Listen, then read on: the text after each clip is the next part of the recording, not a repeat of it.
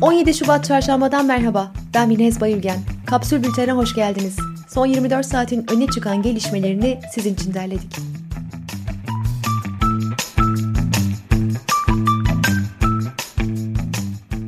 Gara'da hayatını kaybeden 13 kişiden biri olan uzman çavuş Mevlüt Kahveci'nin annesi Ayşe Güler, oğlunun esir olarak tutulduğu 5 yılın çok zor geçtiğini, hiç gülmediğini, hep ağladığını söyledi.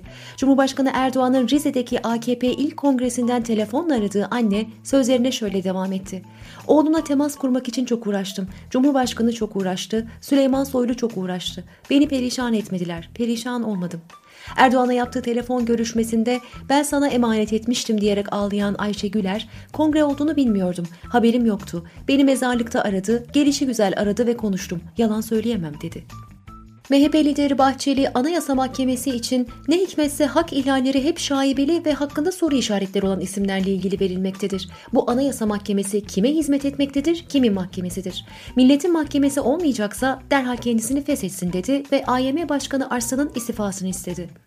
Ticaret Bakanlığı tutuklu iş insanı Osman Kavala'nın kurucusu olduğu Anadolu Kültür Şirketi'ne dava açarak kapatılmasını istedi. Bir süredir medyada hedef gösterildiklerini söyleyen Anadolu Kültür, Türkiye Cumhuriyeti tarihinde bu taleple açılan ilk dava olan bu dava, Kavala'nın maruz kaldığı hukuksuzluğun devamıdır dedi. Kadıköy'deki Kalamış Yat Limanı'nın özelleştirilmesine karşı başlatılan hukuki mücadele, bölge civarında oturan 32 kişinin bireysel başvuru hakkını kullanmasıyla AYM'ye taşındı.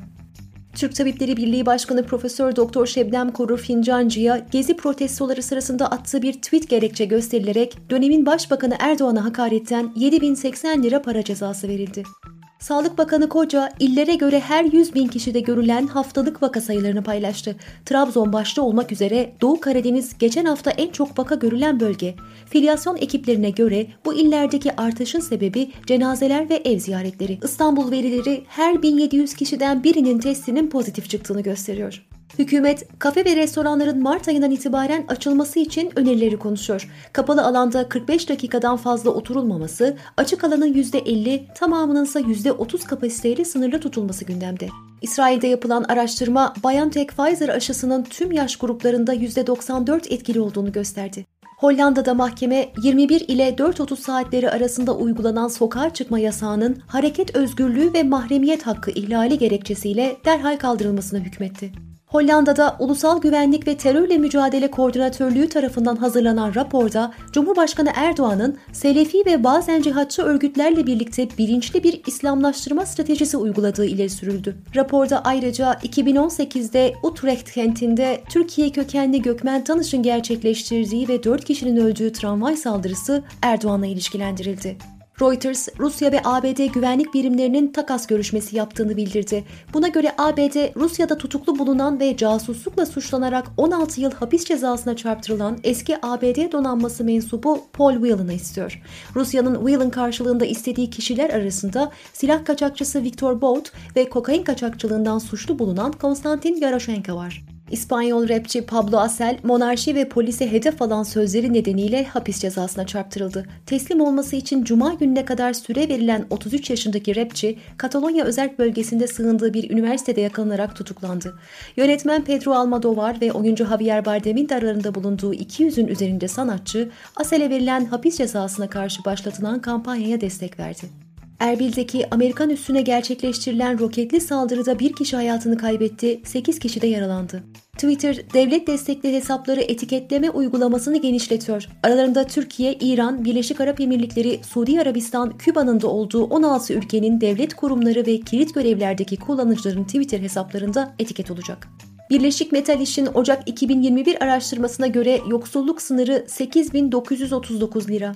Kadıköy Belediyesi'nde toplu iş sözleşmelerinde anlaşma sağlanamaması üzerine 2300 işçi greve başladı. Sendikaya üye oldukları için işten çıkarılan Baldur Süspansiyon Fabrikası işçileri 53 gündür grev yapıyor. Ücretsiz izne çıkartılan Migros depo işçileri grevlerinde 42. günü geride bıraktı. Tüketiciler Birliği 9.99 lira gibi fiyatlandırılan ürünlerde bozuk yok gerekçesiyle para üstü vermeyen firmalara 5 bin liralık tazminat davası açılabileceğini söyledi. Tüketicilerin haklarını aramasını öneren birlikten Neşet Gündüz, vergi usul kanununa göre bir kuruş para üstünün ödenmemesi suçtur, vergi dışı kayba yol açıyor dedi. ABD'de en yüksek ham petrol üreten eyalet Teksas'ta kuyuların kapanması nedeniyle petrol fiyatları 13 ayın en yüksek seviyelerine yaklaştı. Bitcoin %70 değer kazanarak 50 bin dolarla yeni rekorunu kırdı. Jaguar 2025 yılından itibaren sadece elektrikli araç üreteceğini duyurdu. Günün sözüyle kapatıyoruz. 83 yaşında hayatını kaybeden psikolog ve yazar Doğan Cüceloğlu. Mutluluk aramakla bulunacak bir şey değildir. Onu inşa etmek gerekir.